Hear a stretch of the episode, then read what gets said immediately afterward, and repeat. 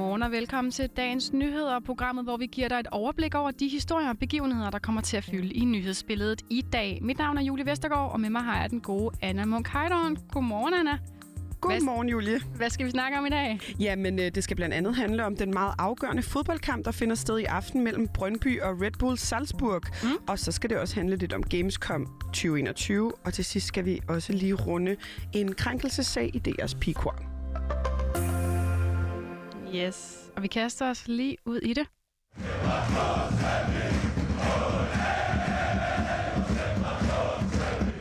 Ja, Anna, det her det er lyden af Brøndby Stadion og deres fans, og de er glade, for de har mulighed for at få rigtig mange penge så frem. De går videre, og det hele det går løs i aften kl. 21, og her skal Brøndby møde Red Bull Salzburg for anden gang i kampen om at komme videre til Champions League-gruppespillet, og den her gang på hjemmebane, efter de sidste uge tabte 2-1 på udebane. Hvad tænker du om det? Jamen altså, nu lyder det jo faktisk, det lyder ret fedt, det klip. Mm. Øh, og det, det, det er så det eneste, jeg kan, jeg kan nyde ved sporten fodbold. Ja. Det er Stemning. øl og råb og alt muligt andet. Men jeg synes, det er sjovt med det her Red Bull Salzburg. Altså, der, der ved man virkelig, hvem der sponsorerer Ja tak, holdet. det bliver der ikke lagt skjul på. Og nu er det altså øh, for første gang i, i rigtig mange år, at Brøndby har muligheden for at kvalificere sig til Champions League. Sidst de havde muligheden var i 2005, hvor de vandt mesterskabet i Danmark, og det er jo så helt præcis 16 år siden.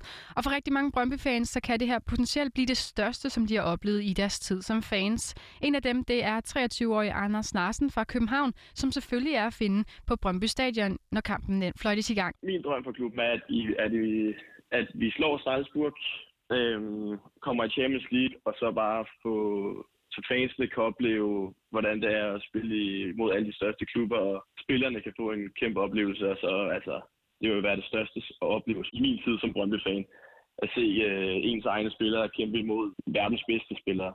Altså, Julia, nu forstår jeg ikke så meget om fodbold, men mm-hmm. jeg forstår sgu noget om følelser. Og ja. der er følelser på spil, kan jeg godt mærke. Ja, det må man sige. Det kan man høre her på, på Anders Larsen. Og chancerne er måske ikke sådan kæmpe store, specielt ikke efter nederlaget efter den første kamp i sidste uge. Øhm, og i sidste uge inden den første kamp, der snakkede vi faktisk med Anders Borup Sørensen, som er chefredaktør på bold.dk. Og der spåede han heller ikke lige frem det bedste resultat til Brøndby det, det bliver rigtig, rigtig svært. Øh, Salzburg har jo været med i, i Champions League de sidste to år, og, øh, og er bare et hold med rigtig, rigtig mange gode spillere. Så ja, det skal være ekstremt meget stolt ved. Det skal være øh, en Michael Ure, som, som pumpede kasser ind sidste sæson, som virkelig rammer dagen, og så skal der bare lukkes helt af ned bag i. Ja, og som sagt, så tager Brøndby 2-1 i sidste uge, og da UEFA for ikke så særlig lang tid siden afskaffede reglen om dobbeltpoint for udbanemål, ja, så skal Brøndby altså vinde med minimum to mål. Men der er stadig masser af håb blandt Brøndbys fans, der kan præstere et næsten fyldt stadion i gult og blå. Jeg tror, at Salzburg de bliver overrasket over den kulisse, de kommer ind til, selvom de prøver at forberede sig på det. Det bliver fyldt stadion. Så tror jeg, at Brøndby kommer blæsende ud, øh, for ud over stepperne og med 30.000 i ryggen, så skal de nok øh, kunne skabe et resultat. Så må vi se, hvor langt det rækker. De skal nok give Salzburg kamp til stregen, og øh, det ser jeg ualmindeligt meget frem til. Ja, uanset hvordan det ender for Brøndby, så har de altså allerede sikret sig adgang til Europa League, hvis de taber mod Red Bull Salzburg. Og det er jo heller ikke helt skidt. Men vi har jo øh, selvfølgelig store og høje ambitioner i Danmark, så jeg krydser altså for en øh, dansk sejr i aften, så de kan gå videre, så vi kan nyde lidt mere af den her fantastiske melodi, Anna.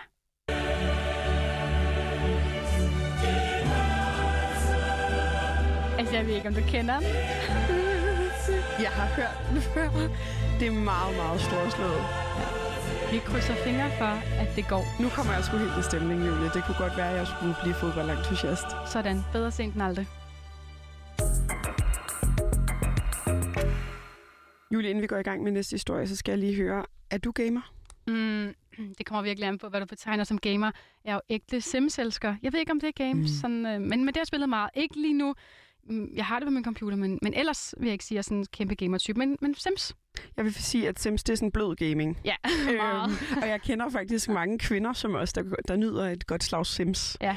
Øhm, uanset om du er hardcore gamer eller ej, Ja. øh, så er det fordi, at den her historie den skal handle om, at der i dag onsdag Mm. skydes gang i verdens største spilmesse, mm. Gamescom. Mm. Og her kan alle dem, der interesserer sig enten lidt eller meget, få blandt andet computerspil for at se, hvad de største spiludbydere har brygget på de sidste års tid. Det er blandt andet spiludbydere som EA Games og Activision, der vil være at finde på messen. og til de ikke-gamende lytter derude, så kan jeg fortælle, at det er to af industriens sværvægter inden for gaming. Du kan tænke, at det vil være tilsvarende iPhone og Samsung, der skulle køre parløb eller, eller kamp mod hinanden, eller Mette Frederiksen og Lars Lykke til sidste folketingsvalg. Mm. Men hvad kan vi så forvente at se på den her messe i år? Det har vi talt med Mark Christensen om, som er bestyrelsesformand for Sørby e-sport. Helt sikkert så kommer vi til at se de strømninger, vi kommer til at se det næste år. Altså de spil, som, som bliver, bliver måske de nye, den nye superspil. Selvfølgelig sådan noget som, øh, som, som Call of Duty, det er altid et fedt spil at se. Der, der er også rigtig mange, der spiller det, også hjemme i Danmark. Så sådan noget som Far Cry, et, et, et godt spil. Øh, FIFA kan man heller ikke se, se bort fra. Det er et kæmpe spil. Hver gang Call of Duty kommer, så, så, så er der noget, øh, som alle gerne vil have. Ikke? Så det bliver i hvert fald den, den store sælger, ikke? Og Gamescom 2021-eventet øh, vil altså finde sted i den tyske by Køln, men tilskuere er tvunget til igen i år at følge med hjemme foran computeren, desværre. Mm. Og vi har faktisk også spurgt Mark Christensen om gammingens ståsted her halvandet år efter corona Mm. øh, brød ud. Og inden han får lov at svare, Julie, så vil jeg gerne høre dit bud. Mm-hmm. Tror du, gamingverdenen er opblomstret under corona, eller er det gået sløjt for dem? Ej, jeg tænker, det er gået meget godt. Altså nu har vi alle sammen øh, af flere omgange måske været hjemsendt, og øh, mange unge har siddet derhjemme og ikke kunne game sammen, men online. Mm. Så det tænker jeg. Tænker du ikke også det?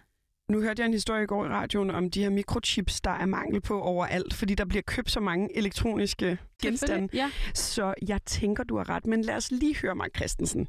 Det har aldrig nogensinde gået så godt, som det går nu. Og det er jo klart, når alle er isoleret, så sidder vi og gamer alle sammen. Øh, og det er den her virkelighedsflugt og den her eventyrrejse, vi alle sammen har været igennem i, i corona. Så, så spilbranchen har jo virkelig kunnet trives under de her forhold her. Og sidste år til Gamescom, der var der over 50 millioner unikke seere, da de for første gang gjorde det online. Og det tegner jo også et billede af, øh, hvordan gamer har trives under pandemien. Mm. Men 50 millioner unikke seere, det synes jeg er rigtig, rigtig mange. Det er så mange, at jeg slet ikke kan forestille mig, altså, hvor mange det er. Har man allerede nu sådan en idé om, hvor mange der kommer til at se med i år så? Jamen, det er jeg rigtig glad for, at du spørger om, Julie, for det har vi naturligvis også spurgt Mark Christensen om. Super. Vi tror på, eller jeg tror på, at, at der kommer lige så mange i år, som, som der gjorde sidste år. Øh, fordi det er, det er et stort show, og nu har, nu har de her udstillere, øh, Xbox og hvad de ellers, altså Microsoft og hvad de ellers hedder, alle de her Activision, øh, de har jo haft tid til at forberede sig. De har haft tid til at sige, okay, vi ved, det bliver en digital version, det her. Og Gamescom-eventet starter altså i dag onsdag klokken halv otte og løber indtil fredag den 27. august. Og øh, du kan heldigvis se det hele kvitterfrit på YouTube, Facebook og Twitch. Ja, vores tredje og sidste historie i dag er en historie, som faktisk kom frem i går. 120 personer deltager nemlig i DR's undersøgelse om krænkelser i DR Pigekoret. Og det har vores gode kollega, kollega Kasper Markvartsen lavet et indslag om.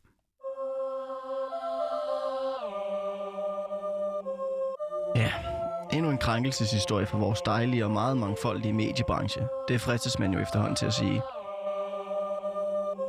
Den her historie omhandler en undersøgelse i DR om krænkende adfærd og seksuel chikane og ledelsesvægt i pigekoret, som har resulteret i de her omkring 120 henvendelser. Advokatfirmaet Nordbom Vending, som siden slutningen af april har undersøgt forholdene i det her meget traditionsrige kor, er nu færdig med den del af undersøgelsen, der handler om at indsamle vidnesbyrd og krænkende adfærd og ledelsesvigt. Og hvorfor er advokatfirmaet så overhovedet begyndt at undersøge pigekoret? Det er de, fordi DR's kulturdirektør Henrik Bo Nielsen havde fået to henvendelser om det, der hedder grænseoverskridende adfærd og sexchikane i DR's pigekor. Henvendelserne lå faktisk år tilbage, det forklarede han til politikken tilbage i maj. Og efter hans udtalelse i maj, så stod en række kvinder så frem i politikken og fortalte første gang offentligt om det, de kalder pigekorhemmeligheden, som kort fortalt handler om talrige eksempler på uønsket seksuel opmærksomhed og grænseoverskridende adfærd, mens de stadig var mindreårige sanger i DR's pigekor. Men hvad der konkret er sket, og hvad det konkrete indhold af de omkring 120 henvendelser, DR's pigekor omhandler, ja, det ved vi altså ikke nu. Vores gode kolleger fra politikken oplyser dog, at de har fået lidt info om, hvad det hele handler om. Og de skriver, at det drejer sig blandt andet om uønsket berøring og kys, uønsket seksuel opmærksomhed over for mindreårige, manipulation og nedlukning af klager.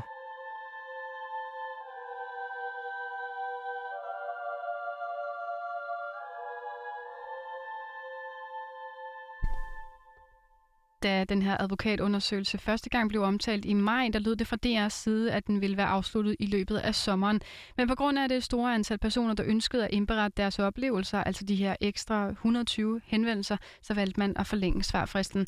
Og nu lyder vurderingen så, at advokaterne først vil kunne overrække den færdige rapport til DR i slutningen af september eller begyndelsen af oktober måned. Og det bliver spændende at se, hvad de finder frem til. Jeg synes i hvert fald ikke, det lyder sådan super godt indtil videre.